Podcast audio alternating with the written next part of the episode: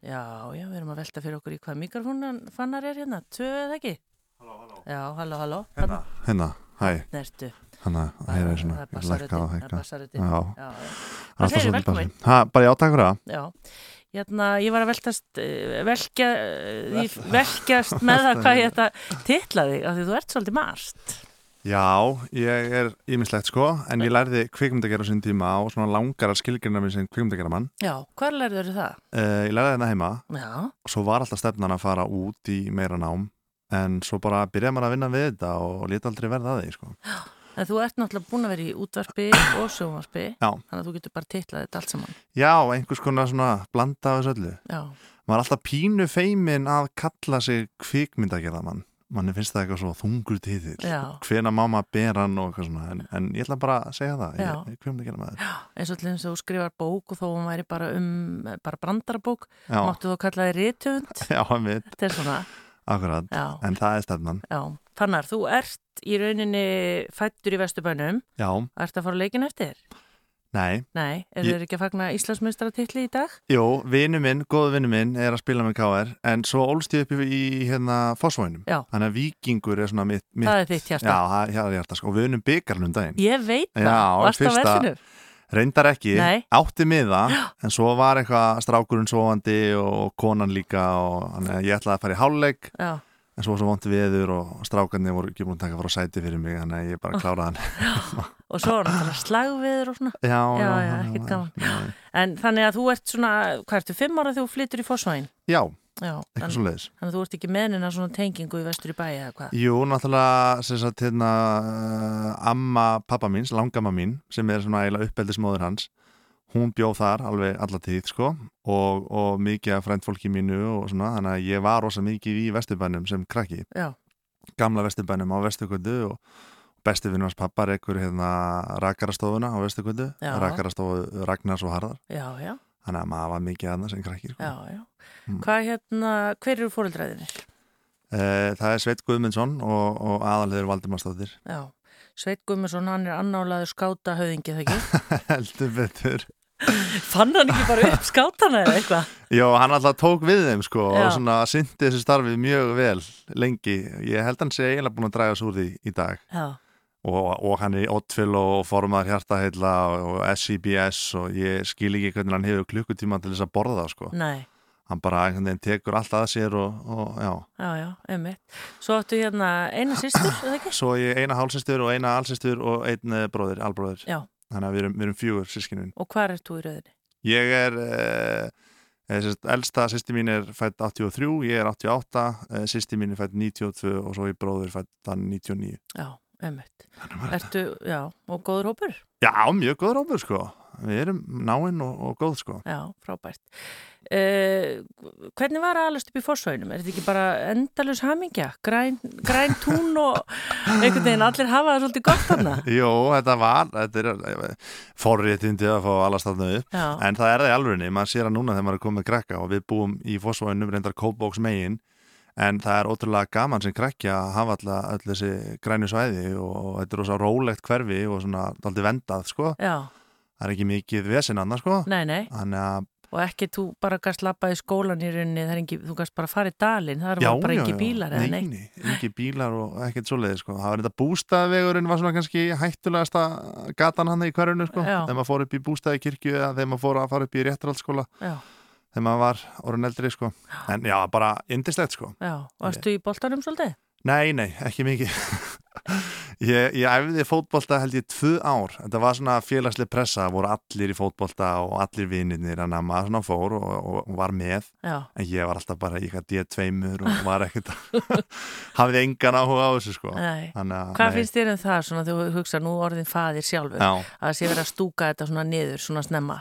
Í, í svona lið. Já, ég er að vissuleiti hrifnaði og, og svo ekki. Ég veit ekki alveg hvað ég hefði það sko en, en í dag er það þannig víst, ég hef heyrt það ég á ekki krakka sem eru svona gamlir að allir fóðu medalíu og, og, og, og það er engin sigurvegari fyrir maður er komin upp í eitthvað, ég veit ekki, fjórðaflokk eða eitthvað. Já, ég, ég held að það sé bara ágætt að krakkar kynnist í snemma að sögumir tapa og sögumir vinna og aðrir fá medalíur og sögumir eru bara í alliði og aðrir í bjeliði og, og það, það skadaði mig ekkert að vera í djeliði sko. ég, ég hérna ef eitthvað þá bara hjálpa manni eitthvað sko. Já, en kannski þú veist þetta vera kannski aldrei valin í liðið að þú veist, Já, já, já, þetta sittur ekkert í þér. kannski eitthvað þegar ég var yngri sko. Manni langaði alltaf að sanna sig einhverstur annar staðar. Eh, og kannski þess vegna fór ég að sinna öðrum áhugamálum eins og, eins og stuttmyndagerð og einhverju. Já, þannig kannski hjálpaði að manni að maður var svona pínu útundan í, í íþróttum þá fór maður að sinna hinnu frekar já. og fór að vilja sanna sig þar sko en skátarnir, verður ekki verið pressað á því að fara á skátarfundi? Nei, pappi reynda að setja aldrei neina pressu á mig sko en ég fór held ég einn vetur í skátana hana í bústæðakverfi, gar, garðbúa Já, já, og það, það endist ekki lengi sko nei, en já, hana, ég var aldrei skáti sko ekki dæstur í hnútana eða neitt. Nei, það gerðist aldrei sko Nei, um. En hvað hérna, varstu vinamarkur og svona, áttur, varstu svona félagslindur? Já, alltaf verið og, og rosa mikið sem krakki mamma og pappi tala mikið um það að heimili okkar var bara svolítið svona félagsmiðstöð sko. mamma kefti held ég bara tíu bröðlefa fyrir hverja viku og svo mætti bara tíu strákar eftir skóla heim og þannig að já, heimilið okkar var svolítið svona miðstöð fyrir vinni mína og, og hérna, Það er svolítið gaman.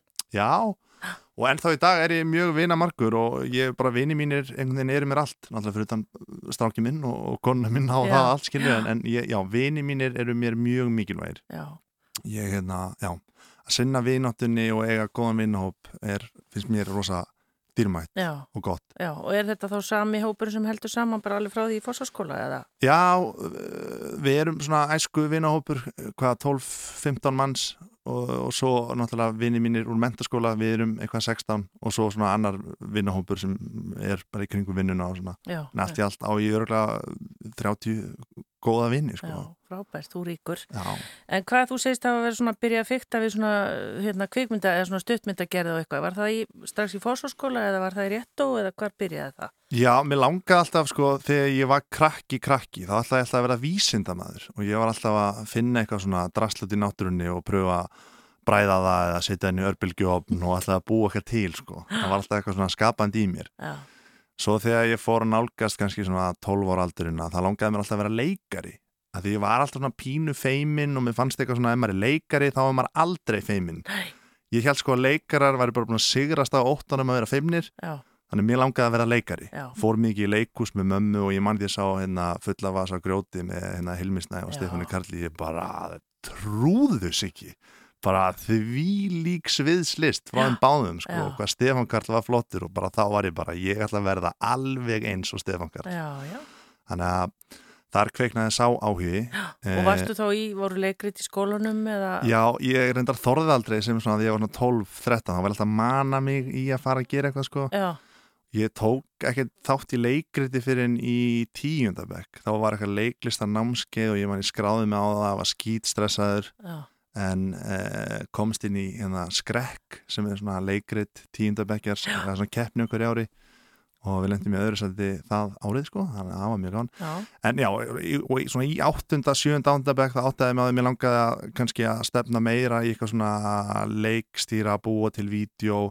Pappi kefti svona litla DV-kameru sem ég var alltaf að mynda alls konar dóta og sketsa og einhver myndbönd og eitthvað djók með vinunum út um allan fósvog. Og þá kveiknaði svona þessi áhugi kannski eftir ve- vera frekar hinum einu kameruna.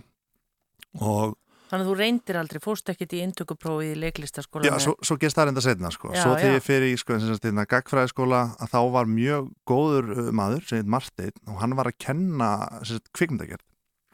Bara að kenna mann að klippa og, og búði stuttmyndir og skrifa handrit. Þannig að hann svona kveikir ennþá meira í mér áhugan að elda þessa kvikmyndagerð að einhverju leiti en alltaf blundaði mér þetta að læra fyrst leikaran, ég horfði svolítið til úst, manna eins og Baltasar Kormáks hann lærið fyrst að vera leikari og svo var hann hennar leikstjóri, þannig ég held að það var einhvers konar formúla af, af því að vera góður í þessu.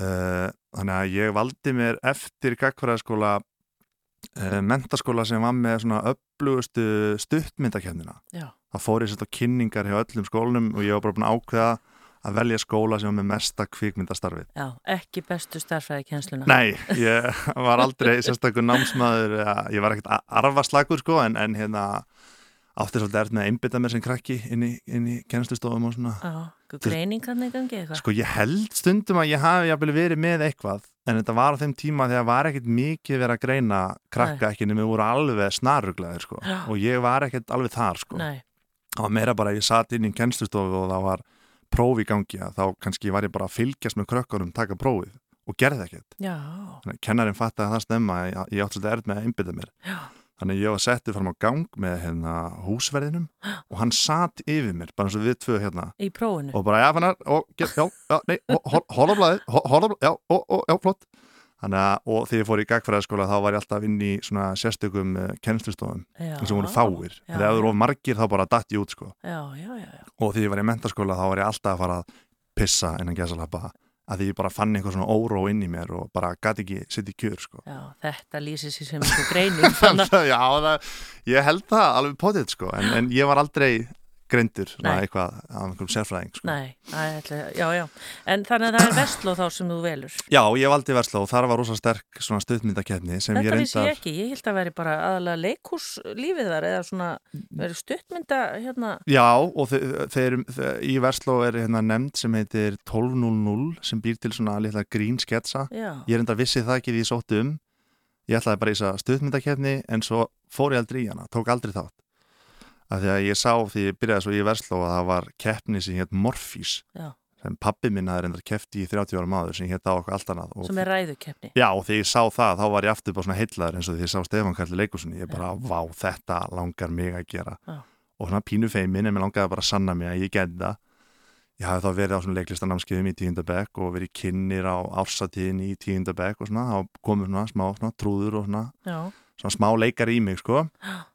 Og já, komst inn í þetta ræðilið í Vestló á öðru ári og var öll þrjú árin í þessari eh, ræðukefni en ég reyndar ta tapaði alltaf nefnum eitthvað tvisvar. já. Eh, En hún gengur út á það, er það ekki að liðin eru með sama sveptir en þau eru með á móti? Já, Er þetta er þannig? bara, þú veist, eitthvað, já, einmitt, eitthvað, topic Já. sem báðir skólar fá og svo er dreigið með á móti og svo er þetta bara mælsku kefni um þetta topic. Já, en er þetta ekki sjúklega erfitt? Jó, og ég bara, ég hef aldrei í lífinu og ég hef stressað þegar maður stígur á svið eitthvað 17 ára fyrir framann tvo fulla skóla bara heilan sala fólki Já, og krakkar á sem aldrei eru svolítið svona, þú veist, hvað maður að segja, uh, gaggrínir og svona geta verið nasti þannig að maður mismælti sig eða saði eitthvað vittlust þá var bara leiðað manni og eitthvað svona. Þannig að þetta var gríðarlega pressa sko. Já, en rosa holdt fyrir mann að- þóra því sko. Já.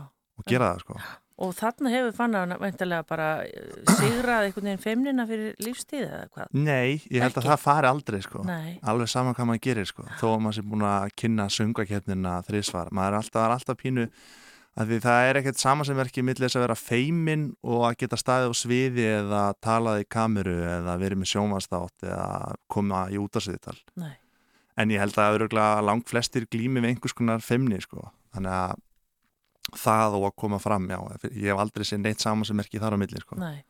En það breytir því ekki fannar að þó þú hafa verið í morfís og ekki tekið þátt í stuttmyndakeppninni, Já. þá byrjar þú samt að bralla er það ekki með myndafélina í Vestló. Já, þá fór ég í þess að nefnd þarna 12.00 og var í henni öll ári mín og þar vorum við að gera svona leiknasketsa og, og tónlistamæðurinn Fridrik Dór og ég vorum mikið í þessari nefnd og, og gerðum einhver lög saman og, og fleiri strákar reynda, sem vorum með í þessari nefnd.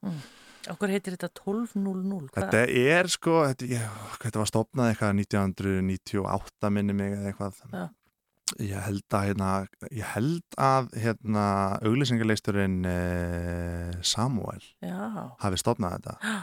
Og þá var hugmyndin 12.0 uh, að þetta var alltaf syngt í sagt á skólatíma.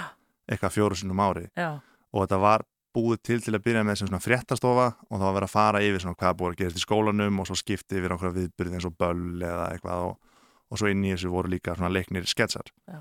Og svo er þetta þróast í gegnum árin og í dag er þetta svolítið mikið svona tónlistamindbanda stökkpallur fyrir unga krakka Eh, Stop It Go strákandinn til dæmis eh, koma úr þessu já, og fullt af fleiri eh, tónlistarmönnum sem er að gera gott í dag á byrjuðu þarna sko. En fáið þið þá, fenguð þið þá tækin og svona lánu frá skólanum eða hvernig? Já, eh, skólinn átt alltaf einhverja eina kameru sem var keift sérstaklega fyrir þessa nefnd og, og klippitölvu og svo bara fór maður eitthvað að djöflast sko.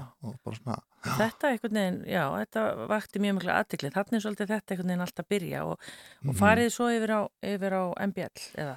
Nei, hraðfrétti tengist þessu kynni þetta, er bara í mentaskóla Þetta er bara- Já, já. þetta er bara Ég mentaskóla var bara búin að ákveða að hraðfréttir hefur byrjað í Vestló. Nei, nei, nei, nei, Já, það er seinna. hvað, Benn er ekkit komin inn í líf þitt þarna eða hvað? Nei, ég, ég og Benni vorum alltaf svona kunningjar framan af í mentaskóla og urðum svona frekar góður vinir hana undir lokin eh, en urðum ekkert svona alvöru vinir vinir fyrir kannski bara einu, tveimur árum eftir mentaskóla Já, já.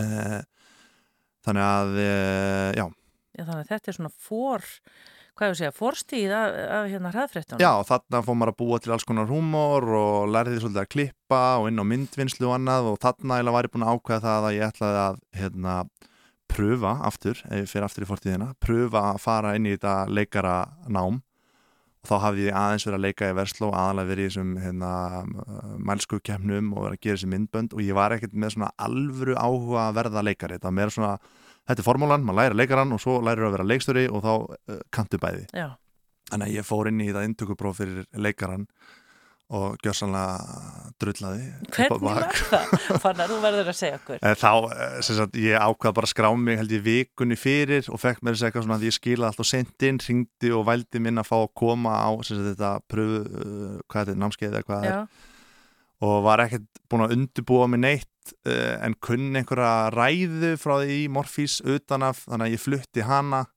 Ég maður bara kennararnir störða á mig og voru bara veist, hvað, hvað ert að gera hérna? Langar að verða leikari. Og ég man að eitt spurði mér svo langar þig að verða leikari? Og það kom svona pínu hík í mig þannig að hann, hann fann kannski að ég var ekkert að meina þetta að alvöru. Nei, og ég held að hann hefur líka bara verið að gera mér greiða.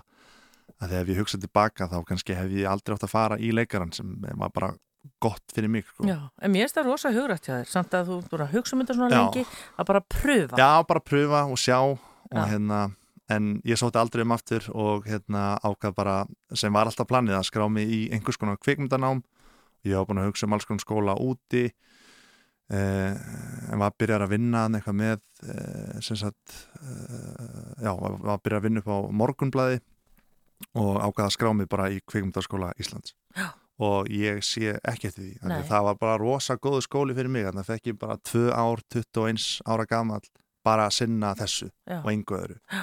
Og ertu þá að vinna þarna með upp á mokka? Já, byrja fekk hérna sketsa þátt í gegnum 12.0 að þá var Björn Bræi hérna uppistandari og fjölmjölamæður hann var að reitstýra götutímareiti sem hétt Monitor og fekk mig og Friðrik Dór, tónlistamann og Grím Björn vinn okkar til þess að vera með svona sketsaþætti inn á þessum Monitor vef. En svo kaupir mokkin Monitor og við bara svona fylgjum einhvern veginn með. Og hérna byrjum að gera þessa sketsa fyrir mbl.is sem héttu Sýnir Jésu og eh, við fengum hvaða nafn er það það var bara eitthvað skúljón, einmitt í Káir, hann, hann á þetta nafn. Já, og hérna og já, við, við gerum garðin frægan, fengum Davíð Oddsson í eitt skets já. til okkar, það var skrifað um það í blöðun og svona. Hvað var hann látið gera? sketsin fjallaði eitthvað um það e, það voru einhverju vinir að spila FIFA og annar vinurinn ringir í þessa vini og er eitthvað strákar ég er alveg að koma eitthvað hérna má Dabbi vinn minn vera með? Og eitthvað Dabbi, nei, þá eru alltaf margir segðu bara Dabbi, hann getur ekki verið með. Svo kliftið við í bílinn og þá var það Davíð Oddsson. Já. og hann eitthvað fyrir ekki að þú bara getur ekki verið með. Hann eitthvað, nei, anskotin Já, hann er samþýtt þetta. Já, það tók langan tíma, þannig að voru við 21 að banka á hurðinni hjá Davíð Oddsinni í örgulega tíu sinum, þannig að hann sagði já, Já. og alltaf já, hrættir að spurja hann út í þetta en við gáumst ekki upp Já. og hann gerði þetta fyrir okkur sko. Já. En hérna á þessum tíma, eins og ég segi, þetta svona var svolítið svona nýtt. Maður hérna stóð sig að þið sjálfur alveg orðin ríð fullarinn að fara og, og fylgjast með þessu. Já, MBL sjónvarpi, Já, já, já. þetta var, einhver rosa uppgangur að það og það, þá var ég að vinna sett, með kveimdaskólanum hjá MBL að gera alls konar sketsa, við gerum þætti eins og hérna Nilli, Sæli Já. Nilli og, og við eldum animist hérna á CrossFit leikana þetta var áður en allir vissu hvað CrossFit var þér. Og við vorum með Ástísi Rán þætti sem fengur rosa umtala sín tíma og, og mig langaði alltaf að gera einhverja þætti fyrir sjálfa mig eh, sem varð svo að, að hraðfritum Já. Þannig Og hva, hvert var konceptið þar? Var, hérna, fannst ykkur fréttamenninir eða fréttatímanir eitthvað ekki vera nógu steiftir saman eða hvað? Í rauninni var ég bara einhvern veginn að horfa á sjónvarpið á hérna, stöð 2 og hugsaði eitthvað með mér djúvel að finna þessi fréttatími væri bara svona þrjár mínútur og alla spurningar og öll svöru væri bara eitt svar. Það var bara eina sem ég pældi í. Já, og ég man að ég horfið á fréttatíman einmitt heima hjá Benna sem endaði svo með mér í þáttunum. Og við fórum bara eitthvað að djóka með þetta og hugsaðum ekkert meir út í það.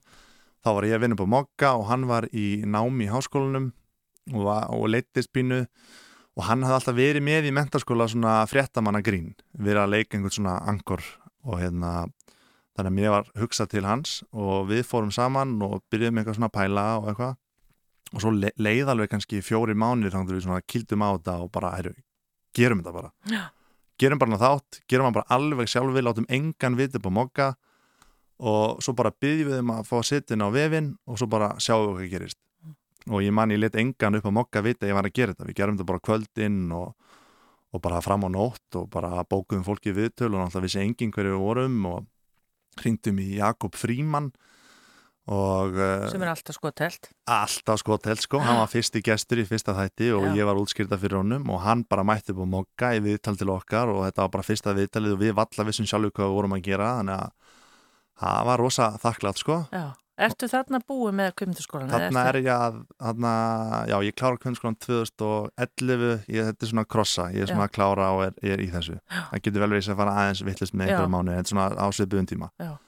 og hérna, já, hann er við gerum hennan fyrsta þátt, svo læti ég yfirmann minn upp á MBL sjón vita við vorum með svona innra kerfi þar sem við gætum sett öll vídjóin inn og ég ringdi í hann um kvöld á fösti maður eitthvað, getur þú samþekkt þátt sem ég var að gera sem heitir hraðfréttir hann eitthvað, hvað hva þáttur er það kíktu bara á þetta og bara þú setur þetta í loftið og vilt setja í loftið, hann eitthvað fyrir heim til sín og skoðar þetta og bara hvenar gerður þetta?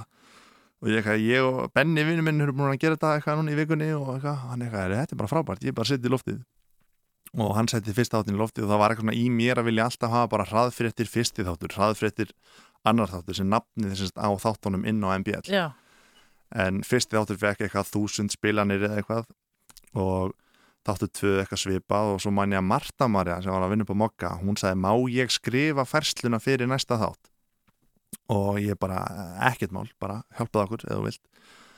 Og í þeim þætti þá rauk Ástór Magnússon á dyr í alvörunni. Já, hann skildi ekki alveg konseptið og móðgæðist eitthvað. Já, og þetta var í kringum hérna fórsetakostningarnar og hann held að hann væri að mæti viðtal hjá einhverjum Benedikt blaðmanni já, og svo mætti hann bara eitthvað algjört rugg en samt var ég búin að útskýra fyrir honum og útskýra fyrir honum aftur þegar hann mætti á staðinn. Já. En svo byrjaði bara vittlesan og hann skildi ekki neitt og rauk á dyr í alvörunni.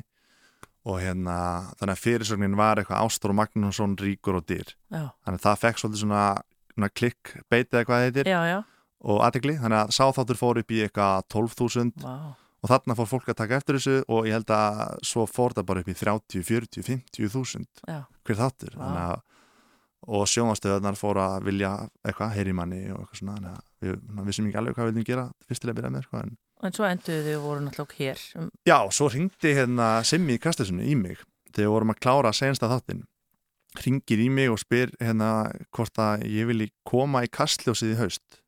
Og þetta var nú sumar og ég bara, já, ekkert mál. Þá held ég að hann var bara að meina að vilja koma í viðtal í kastljósinu. Og ég bara, já, bara ekkert mál að koma í viðtal. Hann eitthvað, já, er þið eitthvað samningsbundnir?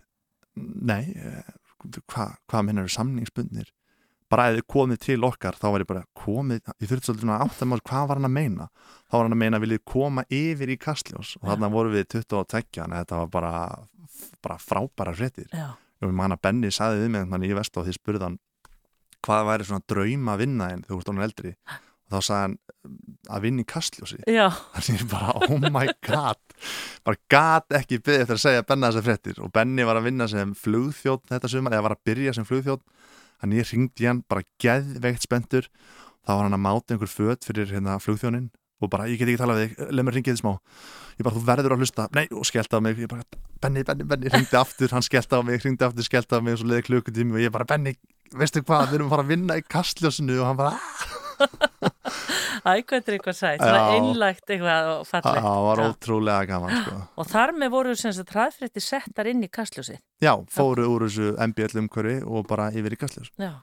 Og við komum bara hérna inn á þessa stopnun sem þú þekkir vel og hérna vissum ekki neitt, þekktum engan og hérna og við náttúrulega vorum vanir að gera allt sjálfur það var enginn sem hjálpaði okkur. Við gerum bara allt, kliftum bara allt þannig að það var alltaf að spyrja okkur viljið ekki fá pródusent og ég vissi ekki svona hvað pródusent var og var bara nei, við viljum bara vera alveg einir. Eina sem við þurfum er bara green screen og kamera. Þannig að við fengum green screen og kameru Já. og ég meina Rúf var að taka alveg pínu áhættu á þessu að hafa þetta inn í kastljósi, ég man að stundum voru bara viðkvæm viðkvæmar, viðkvæm viðtöl og svo bara beint eftir þetta viðkvæm viðtöl byrjaði bara hraðfréttir sem var bara einhver, einhver en, en það gekk vel og við vorum í kastljósinu í hvað, tvö, árið eitthvað. Já og þá eru þau sér. Já, svo langaði okkur eitthvað að vera einmitt bara svona sér þáttur. Það var alltaf eitthvað svona hugsun í mér. Ég hugsa stundum alltaf langt fram í tíman í staðin fyrir að leiða hlutunum bara að gerast í núinu. Ég, ég vil bara gera fimm sísón og svo fara að gera eitthvað annað. Og mér langaði svolítið bara svona að reyna að sprengja hana þátt upp eins mikið og get á þessum fimm árum. Og við vorum alveg gaggrindi fyrir það að halda ekki, halda ekki gamla konsepti sem voru bara þrjár, fjóra mínútur, ein spurning, eitt svar búið. Heldur stækkuðu þáttinu undir rest upp í 15 mínútur eða eitthvað. Mhm. og fengum fleira fólk inn í þáttinn og vorum fannir að mynda niður í stúdíu og þetta var svona miklu stærra heldur en það var til að byrja með. En það var líka einhver svona hugsun í mér kvikmyndagerðar maðurinn í mér, mér langaði bara svona að pröfa eins mikið og ég gat með þessa hugmynd á svona 5-6 árum og Já. svo bara sjá til hvað gerist. Já, mér langaði aldrei einhvern veginn að enda í hraðfréttum í kannski 10-15 ár nei, það er einmitt það svona kannski maður langar að spyrja, ekki það er náttúrulega kottnungu maður fannar, en er, var ekki þetta sko, ætlar hann ekki að fara að hætta þessum fýblagangu? Já, ég meina fólk var alltaf að spyrja mig við hvað vinnur og ég var alltaf bara, ég vinn við þetta þátt sem eru á rúf. Ertu að tala um hennar þryggja mínúna þátt? Já, Já, það er bara vinnan mín, það er bara fyrir allur minn tími fyrir þetta Já. Þannig að er að eh, fólk, fólki núna aðeins fara að skilja að ég vinn við þetta já, svona, svona eldra fólk og svona eins og afi, kona minnar skilur ekki neitt af hverju ég er að gera þetta Nei. og hvort ég vil ekki fara að menta mig við eitthvað, eitthvað alminnilegt og svona, já, já. Já, já, þetta er náttúrulega bara þrjár mínútur í sjónvarpi er bara, þú ert alveg heilengi að búa það til Já, já, það er kannski 20 viðmælendur og hérna það er að klippa þetta og fara að hitta alltaf fólk og, og hérna skrifa þetta og, og koma þessu í sjónvarpið. Já, en fannar það þú ert í rauninni að segja sko að það er ótrúlega mikilvægt og magnað eitthvað þegar að fá bara að æfa sér svolítið á sig sjálfur. Þetta er náttúrulega gríðalú skóli sem þú færði í rauninni bara alveg frá því að byrja að fykta þannig rétt og við stuttmyndir. Já, klárlega, sko. Maður er bara, já, maður er bara búin að vera heppin líka, sko. Já, Og hérna, og líka bara að þóra að, að, að ákveða það að gera þetta. Þú veist, það tók alveg langan tíma bara eitthvað svona, þú veist, að vini mínir voru að fara í, þú veist, hagfræði og lögfræði, bara alls konar svona, hvað ég segja, hefðbundi nám sem Já. gefur meiri tækifæri á vinnumarkaðanum. Já. Að ákveða bara að fara í kvikmyndaskólan og fara að vinna við þetta. já, Ekki vitandi neitt hvað ég var að fara að gera. Það var aldrei planið að fara að búa til einhvern hraðfrétta þátt eða hvaða það er, skilur við mhm, ég bara vissi að þetta var eitthvað sem ég var góður í og þetta var einhvern veginn eina sem ég gæti hugsa mér að gera uh, og bara einhvern veginn, já, kýldi á það en var alltaf bara eitthvað svona á ég, á ég kannski bara hætta þessu fara bara í lögfræði eins og pappi klára hana og svo get ég fara að einbytta mér að þessari kvikmyndagerð. Og ég meiri þess að hætti eftir fyrsta árið í kvikmyndaskólanum. Fekk ég bara svona ok, hvað ertu búin að gera? Þú verður að klára allavega eitthvað nám, hann ég hætti í kvikmyndaskólanum og skráði mér í HR í lögfræði. Já. bara, ég er bara svona var alveg tindur. já, ég er bara svona, vissi ekki, ég er bara svona er ég að fara að gera þetta eða ekki, mér langaði að gera þetta. Nei, ég klára lögfræðina. Uh, langaði ekki neitt í lögfræði ég sko grenjaði mig inn þá var löngu, uh, sko, frestun að sækja mig lög og löngu búinn, fór að fund með einhvern kennara og bara grenjaði mig inn í lögfræðina. Hún bara, já, ég er þetta að sjensa þér eitthvað. Og, og ég mætti í tvo tíma og bara, nei ég, þetta er ekki, ég bara verða að klára þess að kvimda gerð Já. þannig að Þú byrði þetta fólk afsökur það er bara ég- snú ég- allir skólanum við. ef þið eru að hlusta á muni eftir þessu þá vil ég byggja ykkur afsökunar á þessu. Og ég man að kenna hann mætt inn fyrsta tíman og gaf mig thumbs up svona til að fylgjast með mér. Eftir ekki verið að klára þetta? Og ég var bara hvað er ég búin að koma mér út í? Af hverju er ég þetta æ. þannig að já, það tók alveg smá tíma og ég er ennþá bara eitthvað svona ok, ég er að vinna með þetta og það kom alveg svona tímar sem maður er bara ok, hvað er ég að fara að gera eftir tvo mánuði þannig að þú veist, þetta er endalust svona blundar í manni, bara að maður sé að vinna við þetta og gera þetta, Já. það er svona getur verið erfitt sko, Já. en ógislega gefand á móti, en að ég myndi aldrei vilja gera neitt annað sko. Nei. Fannar Sveinsson er gestur mín í sundasögum heyrum hvað hann er að fást við núna svona síðustu misserinn og uh, af fjölskyldinni hans og litlu fjölskyldinni sem er að stekka á svona ég myndi eitthvað fleira, fá nokkru auðlýsingar Fannar Sveinsson er gestur minn hér í sunnudasögum Fannar við höfum engan tíma Komið á- Já, komið sjálfblessu Þú þekkir það nú hér í þessari hljóðstofu. Nei, heldur vorum betur. hérna Með þessu útastætti í Já, já, Góðan daginn þátturinn. Já, Hann var, eitt, hann var, hérna, hann var bara eitt sumar sko. já, og þá varst þú hér, þú varst á tökkunum. Nei, Benni var á Nei, tökunum Benni var á tökkunum Já, ég var hérna. Já, Ég var sko hérna sko. já, já, já, já.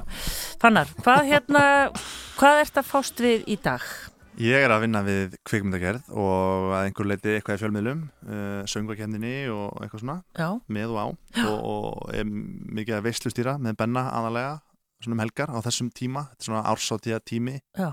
Og hvernig veistu stjórið þið þá í fýblagangi eða? Já, já, við svona, höfum verið að gera þetta í átta ár. Það er rosa munur að hafa séð okkur þegar við vorum 22 og svo núna, Já, þú veist, maður er reyndari og þroskaðari og svona uh, bara öðruvísi. Uh, Er þið þá, þú veist, þú veistli stýrir aldrei einn sem fannar, er benn og fannar, er það bara veist, við, já, og við, þú veist, ég, ég hef hvað veistlustýrt, ég held ég hef aldrei veistlustýrt alveg einn, nema kannski, kannski einu sinni eða eitthvað, eða tvisvar. Já.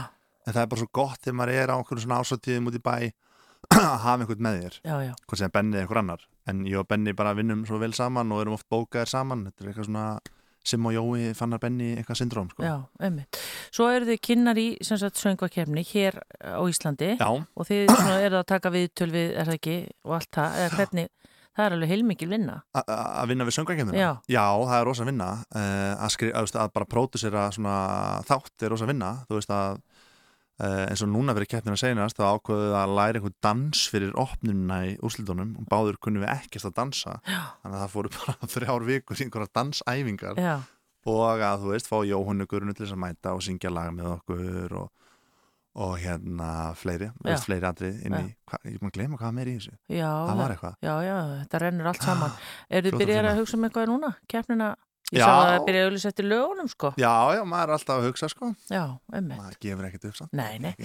En fannar, en hvaða svona kvikmyndaverkefni eru í gangi hjá þér? Uh, ég er búin að vinna núna við þætti sem heitar Venjulegt fólk sem eru syndir á sjónvarpi Símans uh, og við, ja, við erum að klára seríu 2 núna og, og erum að fara að skrifa seríu 3 þannig að það gengur bara vonum framar þessir þættir Og ert þú ykkur svona, ertu leikstjóri eða? Já, ég er handritsöfundur og leikstjóri og svo skrif, ja, við skrifum þetta saman eh, ég, eh, Dóri DNA og Júlíana Sara og Vala Kristín, Já. leikonur og já, þetta hefur bara gengið mjög vel og, Og þetta er veintalega um venilegt fólk. Já, fjallar um líf e, þeirra, þær, þær Júlíana og Vala þær leiku í þáttum á stöðu 2 sem héttu hérna, þær tvær og Vala hefur verið að leika mikið í leikusonum og Júlíana hefur verið svona sjálfstætt starfandi leikona og þetta fjallar sagt, e, um líf þeirra.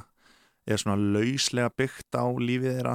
E, og þær eru svona að finna sig sem leikonur og vinkonur og í samböndum og börnin og Já. bara svona venjulegt líf venjulegs fólks. Já, og er fannar þarna þá snúni í stólunum hann með teppið yfir sér Já, og svona, já, er já.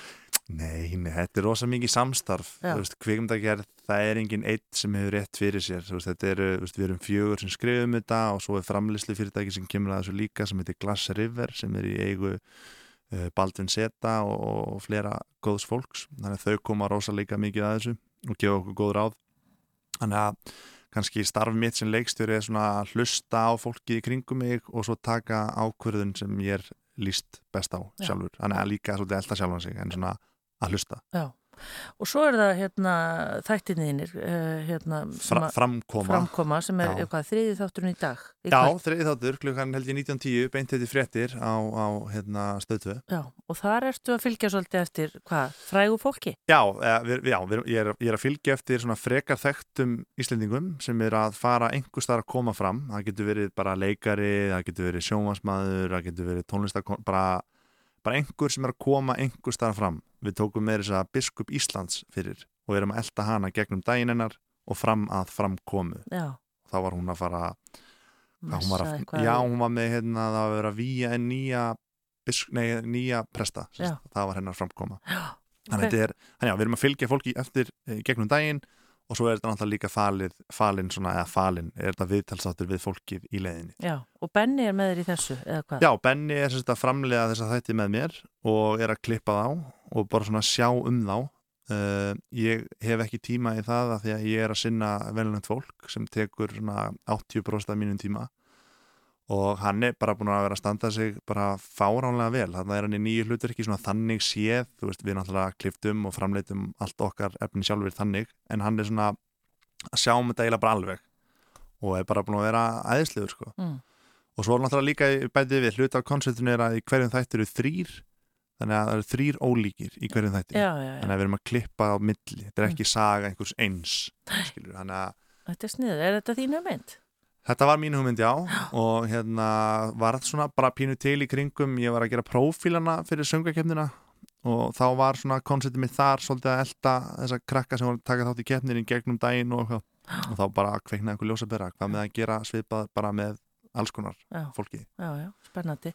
En fannar, ertu, þú veist, ertu með einhverja bíómyndi, er, er bíómyndadraumur, svona leikstjóra? Já, já, alveg klálega, sko, og ég, ég er alveg með sögur og svona hugmyndir á blaði, sko, Já, kannski hluta vandamálinu að maður er alltaf að leita svona réttu hugmyndinni og þú eru ekki að byrja fyrir maður er bara svona, þetta er það sem ég ætla að gera þannig ég er búin að lofa sjálfur mér því að, að opna bara þessar hugmyndir sem ég á og bara svona daldið kíla á þetta já, svolítið bara eins og með velnilegt fólk. Þú veist, hugmyndin var í höstum á mér þú veist, að búa til einhvern tíman sjónvastátt um venjulegt fólk og, og var með svona tempo í huga og fyrirmyndir frá Hollywood og annar staðar af, af þessum þáttum. Og svo er rauninni gerðist ekkert fyrir að stelpunar Júlían og Vala koma til mín og hafa þá tækifæri á að gera sjónvarp fyrir síman að til verður þessi þáttur. Þannig að ég ætla svona, já, ég lofa sjálfur mér að sparka svolítið í rassin á mér og svona, mhm, bara svona kýla á einhverja eina hugmynd já. En er þetta ekki líka, þú veist, þú, kannski eh, ein bíómynd, það er eitthvað, maður heyri bara, já, ég er nú búin að vera með þetta í vinslu í 15 ár eða eitthvað. Þetta er svo langu prósess og svo náttúrulega bara verður að vinna fyrir salt í gröðin, frá degi til dags. já, já, að þetta er þetta ekki svona pínu stundum, er, er, hugsar fannar svona stundum, nei, nú drýf ég mig bara í verkfræðina. Nei, ég, er það farið? ég er alveg búin að ákveða það að ég er aldrei farið verkfræði Já. en bara, ég er bara búin að finna mína hillu og fann hana mjög snemma. En það er kannski svona þrjú, fjögur, fimm ár sinni ég var bara svona, ok, nú bara gerur við þetta. Og ef þetta gengur ekki upp þá bara, þú veist, ferð á sjóin eða eitthvað. Já, þú veist, það er bara þetta eða ekkert sko. já. Og eins og staðinni núna, þá er þetta bara, hefur þú nóg að gera. Já, eins og staðin núna, en maður er alltaf svona pínu kvíðin, svona hvað á næsta og þar næsta ári, skilur Já. en ég held að sé þannig bara í flestu, skilur það er aldrei neitt örugt og... Nei. En svona landslæðið á Íslandi í þessu, eru margir í harki einhvern veginn eða, þú veist, Já, eru, já, ég held að sé alveg mikið þannig, sko já. uh, Og oft er þetta þannig þú voru að, ef þú fær ekki tækifærið, þú býður svona, þú veist, Einmitt. það er svolítið, Það sem hjálpar kannski mér er að ég er að gera meira en bara kannski að leikstýra og skrifa velnönd fólk, veist, ég er líka að kynna í söngvakefninni og, og þú veist, fæ að skemmta um helgar og, og er að gera þannig þátt fyrir stöðtvöðu þar sem að, þú veist, ég er andliti í þættinum, Já. þú veist, þannig að þannig að maður svona fær að gera ímislegt, skilur maður er ekkert bara að gera eitthvað eitt allt árið. Nei, þannig að það, já, það hjálpar og mér finnst það líka úslega gaman að fá að, að breyta til og, og gera alls konar, sko. já, einmitt. Fannar, svo áttu strák, Já, strák. Hann verður tveggja í Já, og svo er að koma annað, Svo er stelpa á leiðinni sko. það er steppa. og hvenar er, er von á henni? hún er bara núna eftir sex vikur sko. Já, hérna, já. Og ert að reyna að vera að því því ég var að reyna að fá því í þáttinn, sko, þá sagður já, ég þarf að vita þetta með góðum fyrirvara, ég er faðir, tekur þetta starf svolítið, þetta hlutverk svolítið alvarlega? Já, ég geri það. Ég var náttúrulega svona pínu að grínast þér en samt, samt ekki, skilur það er sunnudagur og þú veist, maður þarf að sinna og, og vera til staðar. Já, hvað gerir þið vilt á sundum? Það er alls konar, hústýragarðurinn og sund og bara baka. Við bökum svolítið saman, ég og strákurinn. Já, og bara vera með honum að því að þú veist, eins og þegar mikið að gera hjá mér þá kannski sé ég hann minna en svo á móti kemur að það er minna að gera hjá mér einhver tíman og þá er ég rosa mikið með honum já, þannig að já, ég vil eins og ég geta vera til staðar sko. já. Og hver er konaðinn? Konan mín er er Valgerður Kristjánsdóttir Já, og hvað gerir hún? Hún er lærður hjúkurunarfræðingur og Mhm. vinnur á Klepp Já, já, og eh, í fluginu, já, já. Nú erum bara að undirbúa hérna komu litlu stúlkunar. já, og við erum farin að baka fyrir afmalið á er, við viljum halda það sko áður en að stelpan fæðist já, já, það er allt skipulegt. Já, já, það er allt skipulegt. Já, en hvað verður með hérna fókbaltan og svona, ætlar að íta, ætlar að vera hérna fókbaltapappin hérna, eða er þeir alveg sama? Ég, bara sama og foreldrar mínir gerði fyrir mig, þau leiðið mig bara einhvern veginn að finna mig. Ég fór í svona 17 mismunandi íþróttum. fór í frjálsar og ég fór í ísokki og fótbolta og handbolta og badminton og ég veit ekki hvað og hvað. Já, og lærði á gítar og píano og hætti svo öllu og byrjaði upp á nýtt og en ég ætla bara að leiða honum að bara finna sig en eh, kannski svona halda honum við efnið ef hann er alveg að gefast upp skilur en, Já, já. en hérna, já, bara leiða honum að finna sig og bara það sem hún langar að gera, bara gera hann sko. Það sé besta leiðin Fannar, ertu svona bara, hvað ég var að segja, bjart sýtt fyrir svona framtíðina? Ertu nóg að gera hjá þér og svona, þú ert alveg... búin að- Já. Ma, maður verður að vera það sko já, já, ég er bjart sitt sko það er bara nóg að gera og annar leiðinni og... já, hættur að vera feiminn og... Nei, þú ert ekki alveg hættu því. nei, nei, maður er alltaf pínu feiminn sko ég er ekki allir pínu feimnir Jú, jú, svona félagslega feimnir svona maður hittir einhvern í kringlunni og maður svona smólt okkar já, já. það er þar sko, það, er svolítið er feimnin sko. Já, það er feimnin. já, ég þarf að venja mig að vera betri í því sko Já, svona, já, Já. Herru, fyrir þá sem eru með stöð 2, þáttur þinn klukkan 19.15, svo er það? já, okkur sliðis 19.15 í kvöld. Já. Og svo venjulegt fólk, hvenar er von á seríunni? 15. oktober, kemur öll inn á sjónhópp Símans Æðislegt. Takk fyrir komuna í sunnudasögur takk kærlega fyrir mig, og hérna ég beð hilsa Benna já, skila því og, Og- mömmu sem er að hlusta og mömmuðinni og öllum bara hinnum. En Já. takk fyrir komuna og gangið vel í þessu stóra hlutverki sem að væntalegt er. takk kærlega Rástvö. Sunnudagsögur með Hrafnildi Haldórs til klukkan þrjú Og það er komin gestur í hljóstofu hjá okkur hér á Rástvö og hún heitir Edda Hermannsdóttir og er markas- og samskiptastjóri Íslandsbanka. Velkomin. Takk fyrir. Hvernig starf er það? Já, þetta er frekar svona fjölbreytt starf. Ég er nú ekki búin að vera lengi í þessu starfi með í rauninni eftir ég tók við markasmálum, svo það er frekar nýlegt á þessu ári, en, en ósæðlega skemmtilegt. Mér finnst rosalega gaman að ég er að læra mjög mikið af nýjum hlutum. Ég er hagfræðingur í grunninn, ekki markasfræðingur, svo ég er, þetta er pínu nýr heimur að opnast og, og, ósæðlega gaman að fá að leiða þannig teimi að, að breyta til. Já, er ekki líka bara svo opbáslega mikið að gerast í bankamálum? Maður hugsa sko öll þessi útibú sem nú hefur verið lokað og einhvern veginn allir að gera allt sjálfur og allt í tölfunni heima eða appinu eða hvað. Er ekki opbáslega mikið að gerast? Jú, þetta er auðvitað, hún aldrei verið jafn mikið að breytast í bankamálum eins og núna og þetta er, uh, þetta er bara þannig tími að, að ákveðin aldurshópur hann vil gera allt sjálfur en við erum samt ennþá með stóran hóp sem vil koma, annarkoð tringja eða koma svo við þurfum að reyna að samena þetta en auðvitað horfum við svolítið á það með þróunni að fleiri og fleiri munum vilja bara gera þetta sjálfur í, Já. í símanum eða tölvunni en það er alltaf samt þetta, þessi persónlega þjónusta sem þú vilt til að taka húsnæðslán og við erum með eins og fræðslu fyndi út um all land þar sem við erum að hjálpa fólki að velja lán og annað slíkt og þetta er unga fólki alveg flikkist á þessa fundi. Já. Það er alveg bara, það, það sækir í meiri fræðslu heldur, heldur en það gerði áður. Já, þannig að þó þú er að standa á einn fótum að núti og gera allt sjálfur þá færðu hjálpina Já. þú sækir eftir henni. Já, einmitt. Þetta, þú ert sem sagt, ert ekki mestmegnis að norðan? Jú, ég er bara fætt uh, fyrir norðan og svona alin að hluta til þar. Ég var sem sagt að fættist uh, þar fyrir hvað, 86 og hefur reyfið upp sjálf og hérna svo flyttir ég enda til Danmörkur og er hans í Reykjavík en fer síðan aftur norður og er í mentaskóla þar Já. og, hérna svo ég er mikill akkurreiningur í mér eins og kannski heyrir. Einmitt og, og foreldrar þínir. Já, fóröldar mínu báðir á norðan Já. og, hérna, og, og indislegt að alast þar upp og, og rosalega svona, mér þykir rosalega væntum akkuriri og reyna að fara þanga alltaf í fríum og svona. Já, hvað heita þau? Emilja og Eyður heita þau og, og, sagt, og, og náttúrulega er dóttir líka hans Hermanns en er alin upp af Eyð sem er pabbi minn. Já. Svo þetta er svona venjulegt íslenskt fyrirkomulag á þessu eins og margir þekkja. Flóki fjölskyldiform. Já, einmitt. Og mörg sískinni? Já, ég er unni alin upp bara einmitt mamma og pappi og jólst upp með bróðum mínum og hérna síðan er það ekki fyrir í setni tíð sem að ég kynnist sískinum sem sem eru börn Hermanns líka, hemma hann að bara kalla hann Já, og, og þar græði við þar alveg heilan hópa sískinum svo Já. við systur erum fjórar og, og svo eru tvei bræður já, og þetta er svona ríkidæmið okkar í setni tíð að, eignast þe- þessi sískinni sko. já, einmitt.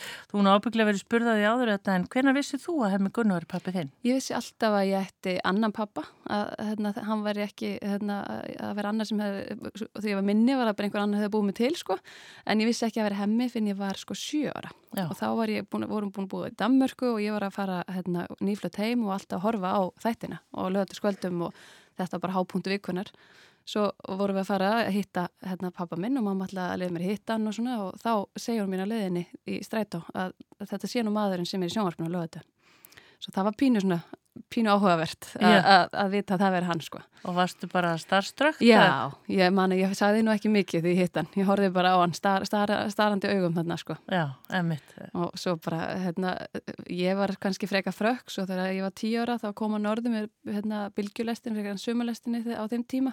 hann og þá lappaði ég upp á hann og bara mannst ekki eftir mér, ég er dottiðinn mjög svona ákveðin í því að ég ætla að minna ná að við verðum að fara við í samskiptum sko. Já, einmitt. Og, og svo hefur náttúrulega ímislegt einhvern veginn, hann hefur einhvern veginn, hvað ég var að segja, sáð ímsu þannig hjá því, því þú varst náttúrulega lengi vel í fjölmjölunum og ert náttúrulega svona tengt því í dag. Heldur betur, margt sem að fekk gott frá honum og, og, og við sýstur, ég og Eva báðar svona, þessi fjölmjöla í í svo að hérna, hann var ekki langt að segja það. Nei, einmitt. Ja. En hérna, þú ert á, þið flutuð til Danmarku, var það bara vegna vinnu? Já, papp, pappi var í námi þar og var í verkfræðinámi þar, svo við vorum þar í fimm ár í Danmarku. Ó, og hvaða minningar áttu það? Alveg bara indislegar, alast upp með mjög svona fjölbreyttum krökkum aðalega. Að, hérna, það var frá öllum heimsornum krakkar og, og þetta var hérna, svona námsmanna hverfi það sem allir komið saman og, og það var bara pínu áhugavert og út á hodni voru kallarnir með bjórin í hendi alla daga og svona svo að maður hérna, ég held að maður hefði orðið mjög víðs hérna alast upp í Danmarku Já. og fyrir utan að Danir eru þetta bara mjög skemmtilegir Já. Og, og, var, og ég var með myndir af Kim Lassen söng, söngvara upp á veggjum með sko síkarettu í muninum með stóru plaggutin á hann sko. ég er ekki vissum að ég er ánum með bönni mín verið með þannig hérna, myndir upp á vegg í dag sko. Nei, lærður þú dönsku? Já, já. lærður dönsku Býrðu það því í dag? Já, ég gerir það já. og þetta er alltaf, við farum mikið í Danmarkur síðan ég var lítil og fóröldar minni svona sótt mikið að við förum í frí þanga Já, emmitt, en þegar þessari dvöl líkur þá farið þið aftur til Akureyrar Já, flyttum fyrst í Reykjavíkur, erum aðeins í, hvað við erum eitt og hálft ár þetta í Reykjavík fyrst, svo förum við norður aftur. Mm. Og þar fer ég þá í hvað þriðja fjórðabekk og er í, í skóla þar í rauninni alveg fram eftir. Sko. Já, og kom aldrei annað til greinin að fara í MA? Nei, það var eina, eina í bóði sko. Það var alveg ofsalega mikil öngun og bara einhvern veginn menningin og kultúrin sem að sótti svolítið í mann sko. Mikil félagsvera og þá var það augljóst val sko. Já, einmitt. En hvernig stelpa varst þú? Varst þú hérna íþróttastelpa eða? Já, ég var í fókbalta alltaf tíð og var hérna og gekk náttúrulega rosa vel og fannst það ofsalega gaman í fókbalta. Mér var stelpur oftur að leiðilega við hvora aðra. Mér fannst það erfiðast í fókbaltan. Mér fannst það rosa gaman að fá að vera bara að spila og og besti nótt tækifæri og var besti leikmaður 98 ég held ennþá í það.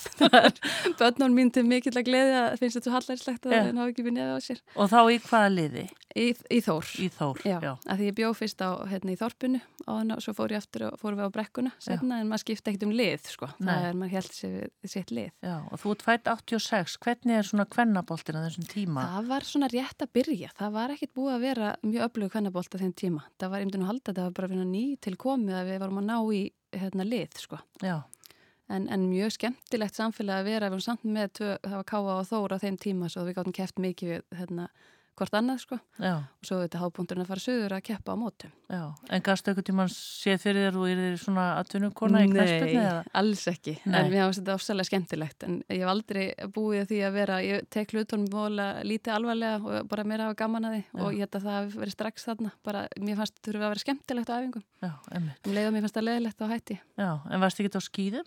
Jú,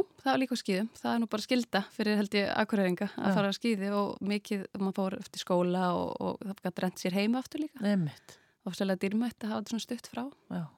Þannig að vinnirnir og svona æskuvinnir og svona eru þeir er, haldið því hópin frá Akureyri? Já, við vinkunnar og vinkunahópurinn svona það er, hann er á norðan sko. Já og, og þetta var frændskinni okkar líka að norðan og, og afsalega gaman að hérna, sumir flutt heim aftur norður að, að halda tengslánu þar. Já, en hvernig, af því það er svolítið öðruvísir fyrir þá sem koma sko annar stað frá og búa til dæmis í heimavestinu, nú þú væntalega bara búið heima hjá pappa og mömmu. Já, það var einmitt ofsalega gama fyrir okkur sem vorum sko hérna, ekki á heimavestinu, okkur var heimavestinu svo spennandi að, að fá að stjórna sem er að sjálfur og alltaf mötunauti svo spennandi. Og þó ég er ekki sem maður hefði lagt í það sjálfur endilega að vera á heimavest en það var rosalega gaman að vera í kringum krakkana þar. Já og einn mín besta vinkona var á heimavestinni og, og koma vestan, svo það var alltaf pínu ævindýra umgangast þessa krakka sko. Já, en hvað er það við hann á skóla sem er svona skemmtilegt? Hann er alltaf rótgróinn og... Já, það er ennþá bekkja kerfið, það er rosalega mik miklar hefðir,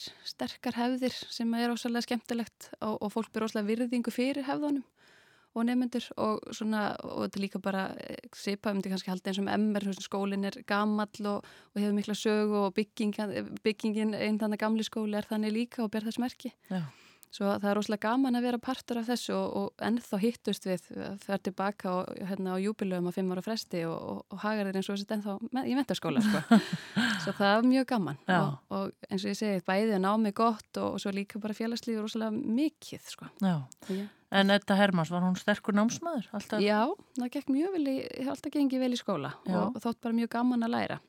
En ég viðkynna þó hins vegar að eftir ég fór í félagslífi meira á hérna, síðasta ári, þá var ég formaður nefndafélagsins, að þá fór ég minna að hugsa um námið og vera meira að hugsa um eitthvað annað. Sko. Já, en, en það er auðvitað bara nám líka. Það var, ég held að sem er mest í skóli sem ég farið í, að, að vera allt í einu að skipulegja, við fórum í getur betur, þurftum að fara með rútur, hérna, viku eftir viku að keppa, þú, við skipulegum þetta, skipulegja þúsund manna ásatið fyrir sko, 19 og 20 ára krakka var þetta bara helgjana verkefni. Já. Svo maður lærði heilan helling á því. En ja. ég kannski líka að því að mér gekk vel í skóla þá gæti ég alveg, hérna, þú veist, þá gekk mér vel að blanda þessu saman, sko. Já, og verandi svona hagfræði mentuð, var það, var það, voru það svona þín fög? Starfræðin Já, og... starfræðin er alltaf verið á leiði fyrir mig. Ég fóð mér þess að fyrst í verkfræði og að því með starfræðin svo skemmtileg. En ég held líka þetta bara svona skipulag almennt í kringum námi, mér finnst voðalega gaman að skipulegja mig og ég byrjaði á því í mentaskóla að vera búin að tekna upp daginn minn, búin að ákveða hvenar ég gerir hvað og hvað ég ætla að komast í við mörgverkefni og svona. Já. Svo það byrjaði fyrir eitthvað snemma, sko. Já, og stöðu bara með litla dagbók. Já, já. Þetta, hérna, ég held að fóröldunum mín skilja ekkert í þessu en þá, hvers vegna þetta fór svona þeim að eiga skipulags óða dóttur Já. En hérna hvert langaði þið þá að fara meðan þú varst í mentaði? Varstu búin að hugsa það eitthvað? Eða? Já, hugum minn var alltaf að verða læknir eiginlega bara að þanga til ég fer í, í þriðja fjóðabekki emma að þá fattaði það var ekki, ekki rétt að leið rétta leiðin og þá alltaf að í verkfræði en var hugmynd, hugsaði svolítið að fara í þennar stjórn, stjórnuna leið sko, að verða, að langa að verða svona að, þetta skipulags vel fyrir mér Já. og ég hugsaði að, að hvort sem að væri mitt á verkfræði, svo var, breytist það í hagfræði að, að einhvern veginn að vinna með svona ólíkum breyðum hópa fólki og koma fólki saman, það var eitthvað sem ég þætti spennandi. Já, og lærði maður það í hagfræðinni? Að kannski að vera, að gera hlutinu hákumann hátt, fannst mér að veist og, og kunna auðvitað grunn hluti um, um heiminn sko, það fannst mér hérna bæði hérna, þjóðafræði og, og rekstrahagfræði og svo auðvitað bara starfræðin og svona, þú læri á hverjum svona hugsana og, og þangagang í þessu sem að kemur þér ósláð vel. Já, ömmit. En fóstu þá suðu treykja ykkur? Í... Já, ég, ég, ég fyrst eftir menturskóla fer ég að ferðast aðeins um, hérna, með vinahópnum ringi síðan heim að, hérna, og segist ekki til að koma heim strax þegar ég var orðin auper á spáni. Svo ílengdist aðeins og er þar hjá Rögg og Eðismór þau byggu því í Barcelona Já, hérna, já, var það bara í ferðinu? Já, já ég fór, ferðinu var spænsku skóli í Lókina í Barcelona og þar kynist ég þeim og, og hérna var hringti heim og sagðist ekki vera að leðinu heim. Já og var nokkra mánuði viðbótt hjá þeim og sem var algjört æventýri. Já, passandi allar fókbóltasnillingar. Já, og bara út að leika allan daginn og alltaf í fókbólta og ósælega gaman sko. Já. Kanski kendið með einhver tri? Jú, jú, aðalega var ég að baka kökur handaðum sem verið svona góður í fókbalta. Ég vil meina að það hafi gert munin, alveg gæði munin. Það er skemmt, og eigið þið sambandið það í dag? Já, ég er alveg, hérna, ég og mamma þeir eru mikla vinkonur og það er svona gaman að fylgjast með þeim í dag, sko, hvað, hvað þetta gengur, gengur vel hjá þeim í fókbalta líka. Já, þannig að það ferðalagi bara svona, við tökum aðeins östut hvert fóruð þið, bara voru þetta heimsins? Þetta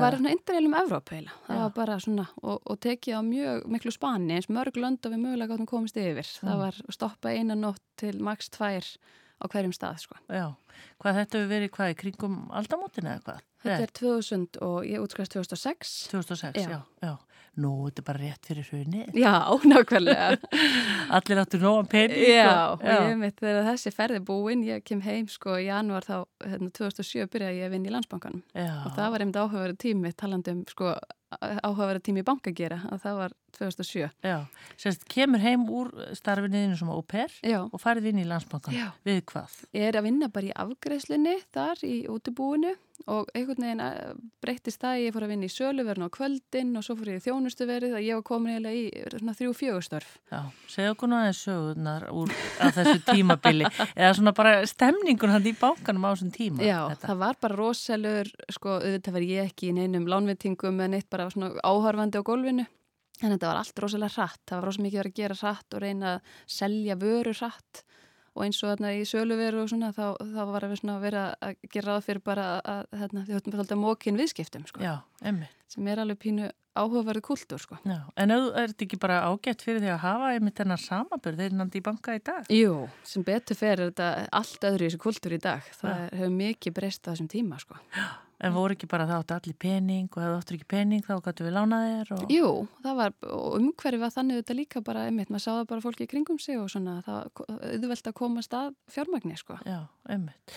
En ákast þú svo sjálfa hætta til að fara í námi Ég var hérna, var ólétt þarna og það var nú eiginlega alveg skipulagt eftir þessu upper vinnu að mér langaði að fara heima eignast börn Já, já, og, og ég hugsaði mitt í dag bara þannig er því réttur, réttur rúmlega tvítug og ég er að drífa mig heim til að fara eignast börn. já, og áttu væntalegu þá átt kærasta eða Já, ég ofnaði kærista frá 16 ára aldri svo hérna, þetta var bara næsta skref. Og hérna, svo við, eh, ég er í bankanum hann í ár, byrjaði í verkfræðinni aðeins með vinnu 2008 og eignast, nei 2007 minni og svo eignast í dóttur mínu janúar 2008 Já, og held áfram síðan í verkfræðinni um haustið og, og með hana litla.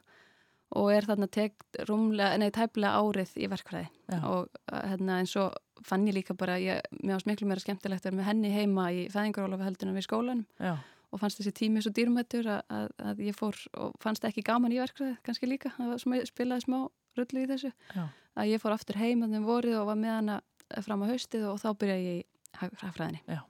Og hver er hún? Hvað heitir hún? Emilja heitir hún, hún er 11 ári í dag. Svo, Já, já. Og svo áttu, svo er són sem til Sigurður og hann fæðist 2010 Já.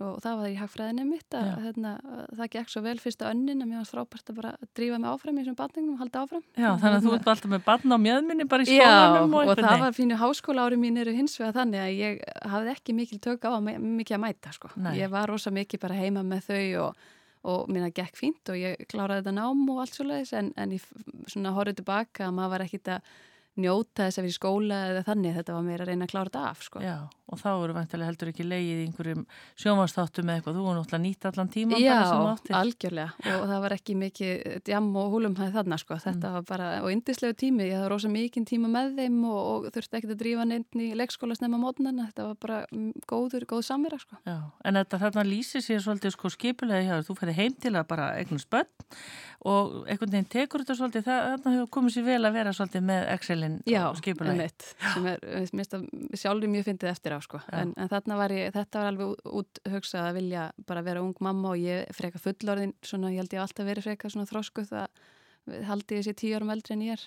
Já, Ég var síðan að spurða því í síðustu viku hjá vinkonum minni, bara ertu vissum að mamma þessi að segja satt hvernig þú hafa fæðst sko. og það þroskast allir við börn, já, það flýtir maður sér svolítið mikið. já, ummitt. Þannig að þú klárar svo hagfræðina og, og hvað þá? Já, hvað þá? Ég komin sko þegar sonum minn fæðist 2010 þá er búið, þá er Sigrun Stefáns búin að hafa sambandið með hérna á Rúf og búin að byrja mig að koma í hérna smá svona pröfu fyrir getur betur. Og þannig er ég ólétta honum og, og hún vildi svona prófa að fá nýtt fólkin í, í þáttagerð og svo ég fer í pröfu og fæ sagt, það hlutverk að vera spilri getur betur. En ég finna bendin á að ég sé nú að fara að eiga bann sko og það sé að fara að koma þannig í desember 2010 og þátturinn á að byrja í hérna, januar 2011 og hún horfið á mig og sagði þú veist, það er ekki sjúkdómur að vera ólítur sko, þú veist, eignast bann það er bara, við erum alla búin að gera þetta, þetta er ekkit mál. Og ég man að ég alveg tví eldist og ég er svo þakklátt henni fyrir að þú veist, hafa svona kvart mig í þetta. Já, en, Og- en var þetta samt ekki hvað? Jú, það var það alveg. Og var sko fyrsta útsendingin svona viðtal til að kynna mig til leiks sem var tveimur dögum eftir að hann fæðist. Og Já, ég man bara hvernig ég er að reyra magan á mig saman til að hann komist í einhver fött og svona en veist, það gekk allt vel og þetta hafðist allt saman en, en þetta er rosa skrítum tíma að hafa aldrei verið sjónvarspáður að fara í útsendingu, í beina útsendingu með fullan hóp og krökkum og vera síðan líka með pínulíti unga barn heima sko. Já, en veistu eitthvað hvar hún svona sá þig? Var það eitthvað í, er það eitthvað agurrablóð þarna sem? Já, nokkarlega. Hún, ég var búin að vera mikið sem formar alltaf í viðtölum og búin að vera mikið mótmælum alltaf fyrir norðan að vera eitthvað læti og, hérna, og skrifa greinar og, og síðan var ég búin að koma að hinga í rúf að taka einn kurs um sagt, þáttagerð. Svo að ég var búin að vera einn aðeins að hérna, sniglast inn í húsinu. Sko. Já, Þannig að hún var búin að spotta þið út. Já, og það er núna hálf fyndi þegar ég er að gera þess að þætti, þá átti þetta að vera þætti sem tengist náminu og ég var hérna í hagfræði en var nýjórn ólétt en enginn mátti vita það en mér langaði bara að gera þætti um það, bara reyfing á meðgöngu og reyfing eftir fæðingu og, ég gleymið ekki að ég tek viðtal við jógakennara sem að fer að tala um hvað þessi frábært fyrir konu sem hafa upplifað að að fá sensat fullnæðingu í fæðingu og ég bara, hérna, og þetta er á rás eitt og ég hugsa að það hefur örgulega fengið margir hjartafall þennan dag sem þessi þáttur kom ég í hérna útsendingu Já. og ég var að þann aldrei beðin með að gera útvarpa aftur eftir þetta. Hvað heitir þessi þætti? Ég man það ekki, en Nei. ég, vona enginn finni það. En skemmtilegt. Þannig að þú varst þennan vetur spyrill. Varstu, Já. hvað, hvað, Ég var þrjú, ég var þrjú ár. Já, varst þrjú ár. Og ég er semst, já, ég getur betur klára námið og síðan er ég á, áður en ég klára námið þá byrðist mér starfa viðskiptablaðinu og ég fer að vinna þar sem blaðamæður. Svo að hérna, það var svona pínuð þarna einn vetur að ég var bæði á viðskiptablaðinu og svo mér getur betur orðin að klára síðan skólan, sko. Mm. Að þetta við bara hugsa um aðeins tilbaka. Mm Er bara þú viðurkenna frá hjartanu. Fannst þér þú samt hafa tíma til þess að gera þetta allt? Nei, Nei. alls ekki. Nei. En mér fannst, sko, mér fannst ég ná að forgangsraða því sem skipti mér mestu máli. Mér fannst ég, hérna, ná, börnin voru alltaf í fyrsta seti en ég horfði tilbaka og svona, ég hefði átt að bara slaka á í skólan með meðan eða gera það hægar. Já. Og ég myndi aldrei í dag fara í sjónvarp sem dögum eftir fæðingu, sko. Nei. Það er alveg það sem ég hef lært, en hins vegar má maður, maður alltaf læra því sem maður gerir, hvort sem það er gott eða slæmt, sko. Og ég var þannig innbyggð og, og fengi það fyrir fóldur mínum að maður er aldrei að sjá eftir neinu, heldur svona að hugsa um það hvernig, hvernig við bara lærum af því, sko. Já, ömmið það. Skulum taka östu hlýja núna, ætlum að fá auglýsingar. Edda Hermansdóttir er gestu minn og við ætlum að heyra eh, svona setni helmingin af hennar lífi sem er svo alls ekki síður merkilegt heldur en það sem hún er búin að segja okkur nú þegar. Fáum okkur auglýsingar. Rástfö Hér er eitt grillað tilbúð fyrir þig. Þú fær Weber Q1000 og Weber Q2000 á super tilbúði eða með alltaf 20% afslætti. Komdu strax í dag. Báhás, mikið úrval, gæði og lágt verð alltaf.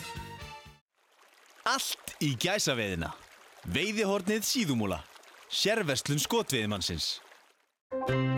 Black og Decker verkfæri 25% afsláttur, mikið úrval Húsasmiðjan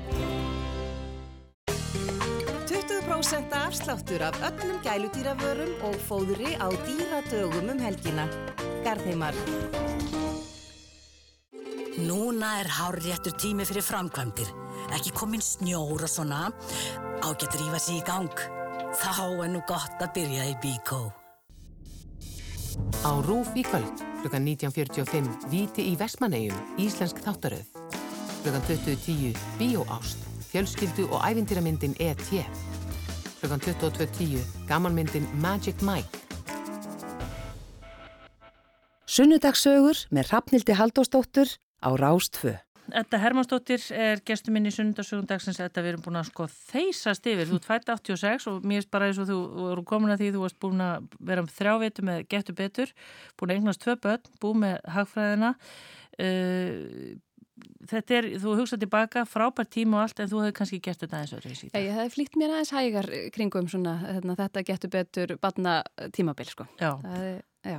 En þetta að, að sko það voru ekki komnir þessi samfélagsmiðlar eins og er í dag og svona en svona hvernig tókstu gaggrinni og, umræðina því hún getur oft verið svolítið óvægin. Mér fannst það rosalega erfitt fyrst og kannski líka mitt vera með lítið batn og maður er viðkvæmur og, og mér fannst svona einhvern veginn allir hafa skoðanir á því sem ég ætti að gera og segja og allir segja mig hvernig þetta ætti að vera, Já, hvernig brandar ég mætti segja og, og, og ég fann að ég svona fyrstu eiginlega bara bæði alveg fyrsta ári og pínu líka öðru þá þorði ég ekkit alveg að vera ég sko. Ég Nei. var alltaf að reyna bara að muna, ég, ég má ekki segja þetta og ég má ekki gera hitt og reyna að muna hérna bannlistan. já, Og svo á þriðja ári þá fann ég að ég svona hætti að hugsa um textana sem ég hafa búið að skrifa hérna, f- fyrir mig og reyna svona öll þessi eh, bannorð og, og hvað mátti og hvað ekki og reyna bara að vera pínu afslöpuð. Já. Og ég er rosa fein að hafa gert það svona að því mér fannst það ganga hvað best. já og það er ekki bara það að þú takir við þessu svona bratt heldur eftir líka einhvern veginn fyrsta stelpan. Já.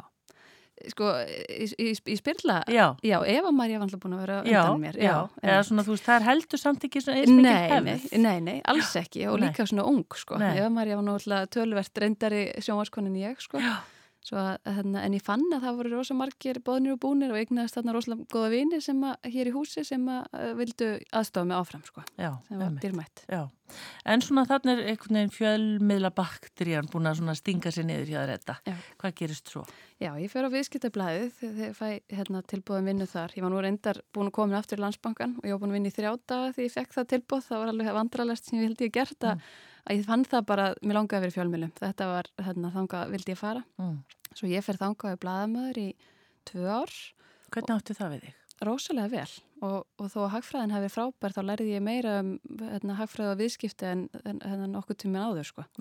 Og þetta er auðvitað eins og með öllunni verkefni manni finnst sko, ég man þegar ég var tekin viðtal bara af hverju eru að tala um mig, ég veit ekki neitt um viðskipti og ég veit, þetta er svo langt út frá, hérna, langt frá mér. Já.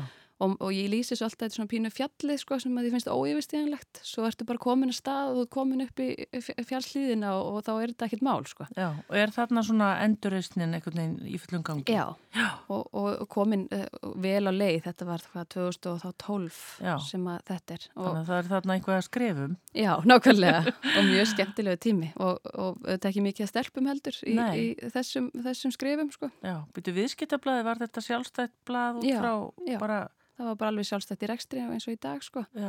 Þarna, Og hvað langaði þig svona, hva, hver voru svona þínar áherslur þarna? Þarna var í rauninni, ég viðkynna það, ég var ekkit alveg að hugsa það sko. Nei. Ég var eiginlega bara, mér fannst það rosalega gaman að prófa, um að prófa nýja hluti, prófa myndbönd og skrif og, og ég fann bara, ég var svona sjú inni með eitthvað lærdóm bara sem var rosalega mikilvægur, sérstaklega eftir að hafa verið nokkur ár heima með krakkana og þá var þetta svo hérna, ofsalega góðu tími. Já. Og síðasta árið, þá er ég, þriðja árið mitt hjá þeim, þá er ég aðstofur réttstjóri og það var líka ofsalega spennandi tækifæri að fá aðeins að tækifæri á að stýra hvernig það liti út. Ég var auðvitað mjög meðvituð um að strax að vilja fjölga konum í blæðinu. Þannig voru aldrei, ekki eitthvað sé aldrei, en það var rosalega lítið af konum. Það er fáar konur í stjórnastöðum í fyrirtækjum ráðherrarnir, fjármálaráðherra fórstöru kaupallar, þetta er allt kallar á þessum tíma. Já, ekki mikið breyst síðan þá? Samt? Nei, allt og lítið en, en við fórum markvist í þess að vinnu að fjölga konum og við fórum að búa til blöð til að sína hvað konur var að gera, bjökundu blað sem heit áhrif á konur og ég fann að með því að gera þessa litlu hluti þá stækkaði tengslanett blaðamanna og þær fóru, þeir fóru að ringja meira í konurnar. Já. Svo að þær fóru að vera miklu meira ábyrjandi í blaðinu hjá okkur og þarna þegar ég hætti þá var þeim hérna og ég tengi það svo sjálfsögð ekki um mig heldur meira þess að fá konurinn í blæðið að lesturinn hafa aldrei verið mælst herri sko. Nei, af því að það líka bara gefur hérna, hérna eðlilega vilja konur líka lesa fjölbreytari blöð sko. Já, já. En þetta, hvað heldur þú að sé þess valdandi að við erum samt ekki komna lengra hérna í vanandi viðskiptalíf og konur? Og bara stjórnundur í stórum fyrirtækjum. Auðvitað þú að vinna hjá einu það sem er kona Já, í brúni og við erum búin að vera rosa mikið jafnbrettis umræðið þar og, og, hérna, og ég rosalega mikið náhuga og ég held þetta sé svona mikið blanda af því svona uppeldislegt hvernig við erum bara konur erum svona hóværari við erum ekkert að trana okkur ómikið fram ofta, oft. Það er sem betur að breyta stelpurinn ófinnari við það En svo held ég að þessi líka bara tengslanett karlæði búið svo sterti gegnum árin. Það er svo erfitt að komast inn í þetta, hérna, þennan hóp, sko. Og þó að þeir svo sannlega ekkert viljandarinn að halda konum fyrir utan það, en það er svo með kynjakvotunum, það sjáðu held ég allir hvað það var nöðsynlegt. Já. Og það var veist, umræðin um að þarna kemur konur inn sem veru ekki hævar, veist, það, það, það er engi sem þóra að segja það lengur, það er að komin að hópur af rosalega öflugum konum sem eru komnar inn í stjórni fyrirtækja. En þær væri þetta ekkert endilega í dag ef þetta ekki breyst. Sko. Nei, en heldur þetta breytist enn meira? Já, en ég held að muni gerast allt og hægt. Já. Ég held að það þurfi fleiri að þóra að taka drastískari ákvarðanir til að breyta hlutunum. Sko. Já. En þú sjálf þarna uh, hafandi verið hjá viðskiptablaðinu, orðin aðstofar eittstjóri, færðu svo tilbúð um annað eða? Já, þá fær ég til Íslandsbanka 2015 Já. og hérna Byrna fær mig í rauninni yfir og taka við samskiptamálunum sem var bara, ég hef aldrei hugsað mér að vilja fara í banka. Það var pínu svona Þetta, en ég heitlaðist pínu, ég hef búin að vera mikið kringum bankan að skrifa og ég heitlaðist alveg af þessari menningu og ég mitt þessum jafnbrettsmálum og þessari sín og gildum, mér fannst það að skipta miklu máli þegar maður að velja sér vinnustaf og sérstaklega ætlar að vera talsmaði fyrirtækis, þá þarf þetta að vera mjög meðvitað um hvaða fólku vart að fara að tala fyrir og hvernig fyrirtæki. Og, hérna, og ég er, já, svo er ég þar frá 2015 og svo bætist við greiningadeilt sem ég tek við og síðan þá núna markasmálinn líka svo, og markas og vefmál. Já, emmitt, þannig að þú, og, og nú eru þá komin síðan, hvað var, 2000 og... 2015 byrjaði ég í, í bankanum Já. og svo núna, semst, ég tók ég marksmálum bara núna þessu ári, sko. Já, já, þannig að þú ert að stýra bara risastóri Já, við erum með góðan, góðan hóp saman, gott svið, sem er hérna, ofsalega skemmtilegt. Já. Svo ertu að skrifa bækur. Og það ný bók núna væntalega bara í byrju næsta árs. Uh, síðasta bók, eða fyrir bókin, heitir hvað? Fórustu þjóð. Já. og við gáum hann út í Ragnhildur Steinun og sem var alveg ofbúslega skemmtilegt verkefni og það er einmitt, já, breytti smálina því að okkur er svo hugleikin. Já. og okkur fannst líka svo gaman þar að tala við karla og tala við fólk með ólíka skoðanir. Og mér fannst þetta svo skemmtilegt og ég held að þarna, þegar mamma mín las bókina að þarna er fólk sem er með algjörlega skoðanir og öndveru megin sko, að, en þú kannst ekki dreilega verið sammálaði með öllum sko, þú skilur meira afstöðu hérna, þeirra eh, í bókinni Já. og þegar hún var um til að lýsa því bara gaman að lesa viðtalið þessa og þennan og þau voru algjörlega ósamála sko. Já. Og þetta var semst viðtöl við fólk sem á einhvern hátt hefur svona Já, skoðanir á jafnbrettsmálum, svona allir sammálu um að við viljum hafa jafnbretti, það er engin sem ótmæli því en mismunandi leiðir sem við viljum fara að því sko. Já. Og þarna og, og, og hlusta og hugmyndin kom þegar við heyrðum kallmann verið að tala um launaviðtal við konu og, og var að útskýra að hann hefði bara verið að brútt um laun og hún hefði farið að gráta og hann skildi ekki, þú veist, hvað er henni gekk eiginlega til á meðan ég held að við skiljum það alveg konur að þetta er oft pínu erfitt að að standa í, í þessu sko Já. Að, þarna svona að sí- sína ólíkur hliðarnar. Já, en þó þið hafi tekið þessi viðtöl og við þetta ólíka fólk og kalla á konur, er ekki samt allir að stefna því sama? Jú, ég held að það vilja allir það er engin sem þið þóra allan að segja annað sko, segja það. Og það var líka í þessu ferli og gaman að hérna, við fórum í forlög og svona ætlum að gefa bókinu út og ægilega brattar með flotta hugmynd fannst okkur. En það voru ekkit rosa margir aðri spenntir en við yfir þessu svo við endum á að gefa hann út sjálfar og það var alveg bara, hérna, það þurfti að hugsa um eitthvað letur og útlit og, og það þurfti að keira bækur í, í búðir og, og, og hérna, dröslaði pappa með mér og bróður að halda á þessum hérna, þúsundu bóka á milli staða sko. og það var mjög lærtumsrikt ferli en það mun ég aldrei gera aftur Nei, en samt sem áður að skrifa aðra bók. Já, já, þessi okkar seldist upp og gekk rosa vel, svo Já. það var nú hérna, gaman, en núna ætlum við að, hérna, eh, við, ég ætla að skrifa bók, er að skrifa bók um framkomu og er að, hérna, við Eva sýstir höfum verið að halda námskeið um framkomu og höfum, höfum haft það bara fyrir konur. Og þá erum við bara að tala um konur sem að er, vilja koma fram í sjónvarpi eða útvarpi en líka bara vinnustæðinu þú ert að halda erindi eða ræðu fyrirlestur, bara í allir sinni mynd þú þarfst að standa fyrir framann aðra og þarfst að segja þeim eitthvað, af því það eins og við höfum notað svo mikið að, að það skiptir einhver máli hvað sem ég kunnum eða vitum, ef við getum aldrei komið frá okkur almennilega og sannfært fólk og sýndi og sagti, Já. að þá er það pínu erfitt. Já. Svo ég er búin að taka saman svolítið punta í rauninni alveg frá því að byrja að geta betur hvað hefur hendað gengið vel hjá mér og hvað hefur gengið illa hjá mér. Svo bókin er svona samansapn af bara þessum puntum svolítið, Já, bæðið frá viðskiptablaðinu og sjónvarpi og svo er alltaf síðustu ár búin að þjála stjórnendur í framkomu og það er, það, bókin er fyrir bæði konu og karla í þessum málum sko. Já, og ég þykist nú ekki vera sérfræðingur heldur í þessu en ég er bara að hugsa þetta út frá því að þessi reynsla sem ég hef sem er svona breið kannski að ef hún getur nýst einhverjum öðrum Já, en er þetta ekki gömul mýta að það sé erfiðar að fá konur einhvern veginn í viðtöl og svona þetta er náttúrulega bara ekkert, ekkert gildir ekkert lengur. Nei, ég held að það búið að breytast mikið. Ég, mér, mér, ég fann það nú aðeins þegar maður byrjaði á viðskiptablaðinu en ég held að það sé bara búið að síðustu árum búið að breytast, breytast rætt sko. Að, en ég held hins vegar að konur þær, þær gera það öðruvísi, þær vanda sig öðruvísi, ég þóru alltaf að segja þetta en, en þær vanda sig meira oftast. Þær færu varkárari í viðtöl og þær vilja hafa þetta svona hérna, vandara svona hvernig útkoman er. Og, og nú alltaf ja, skemmtilega saga þegar einhver sagði sko, og hún er öll hálf login sagan að þegar kona á beðum og við tala, tala um skýslu sem hún hefði skrifað og hún treystir ekki til þess.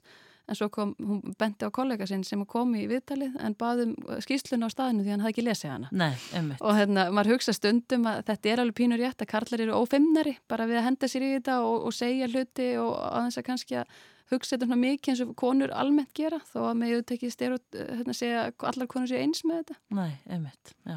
Og þessi bók kemur út núna í janúar. Janúar, februar, já. Já, ertu langt komin? Já, ég er það. Þetta er svona að því að við erum búin að taka saman meira um allt efni, að ég er svona að púsla saman og svo eru viðtöl líka við fólk sem er að starfa í, í þessum greinum, bæði í viðskiptalífi og fjölmjölum. Já, einmitt. Þetta, þú hérna býr ekki lengur með þínum barsföður, þú átt kærasta Ríkardur Daðarsson, sem svo fræktir orðið, og þið er sama hvað mörg börn? Þrjú í heldina. Þrjú í heldina. Dóttur hennar Ragnhiði Já. og svo mým tvö. Og má segja fótboltin einhvern veginn saman svolítið, eða Já, það, þau eru öll í fótbolta, svo varum við myndið að tala um að sumrin okkar eru fótboltamót og snýst allt um þau og sem betur fyrir höfum við bæði gaman að fótbolta. Og sumafríin okkar eru svolítið þannig að við förum hvergi þannig að hafa bolta með okkur og ekki eru þið alltaf efa með sama félagin Nei, þau eru gróta og þróttur já, já. Hana, sem er fínt að búið til smá rík hann á milli Gróta og þróttur og hvorum getið þið haldið með? Já? Það, já, við verum haldið með báðum einhvern veginn sko. það, er bara, það er mjög dýrmætt að eignast sko. þau eignast þarna stóru sýstur sem er indisleg og hún glöði að fá tvö, tvö lítið sískinni og allt í hennu var bara stærra fókbóltalið til að leika sér með sko. Já, einmitt En hérna, hvað gerir því svona í frístundum? Er þið svona ferðisti mikið? Eða? Já, við erum rosalega mikið saman og finnst rosalega gaman að vera hérna, með börnunum að, að dunda spilum ofsalega mikið og gerum það nú oft í viku að, að spila og síðan auðvitað mitt að fara í fókbólta og mikið sundi og það er nú ekkert mjög mikið flók, flóknuna samveru sko en, en hérna, við njóttum þess að meðan þau nenni að vera með okkur að gera þessa luti. Já og svo er mitt á sömurinn finnst okkur voða gaman að ferðast um landi þeir eru búin að vera með hjólísi að keira um bara á alls konar staði. Já, og svo sá ég að þú tókst þátt náttúrulega í Reykjavík marathónu Já, það var engin miskun og greiði börnin líka. Neitt í það, það er engin sem sleppur við það. Já, og þú hljóst hálmarathón Já. Og hvað, ertu vörn því að laupa svona langt? Þetta er eitthvað þriðja skipti sem ég fer en þetta var hins vegar ég fari stundum þess að vera búin að æfa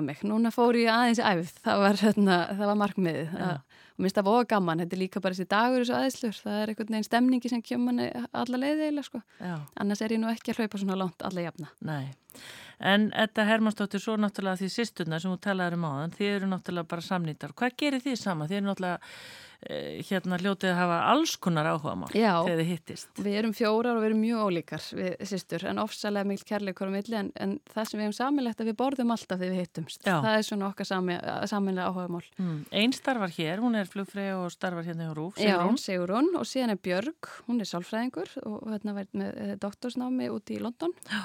Og síðan er ég og, og semst Eva Eva Löfi sem er alltaf líka á fjölmjölum og, hérna, og er hún að kenna ykkur að baka eða eldar hún? Já, við, sko, við Eva hlægjum að þegar við hittumst svona, ætlum að fara saman að eitthvað út á lífið saman, þá endur við á því að sitja saman okkur um bar, horfum á okkur aðra og bara, hérna, eigum við ekki bara að fara heim ég var að kaupa nýja kökubók og fórum og skoðum kökubók saman, að því við deilum þeim, hérna, því áhuga máli mjög mikið, það er mikið bakað á mínu heimili og, og hennar, svo mikið tala um kökur og, og kaupum bækur og svona þegar við fyrir til útlanda, handa okkur annari og svona Hvað er langt á millikar? Þetta er svona, sko Sigrun er elst af okkur en svo er þetta hvað, eitthvað svona þrjú, fjör ára milli. Já, Já. þetta er náttúrulega algjör bónus að eignast bara Heldur svona fyrst. Það er alveg, og líka svo skríti sko að finnast og eiga svona mikið samilegt með einhverjum sem voru ekki allist upp með. Já.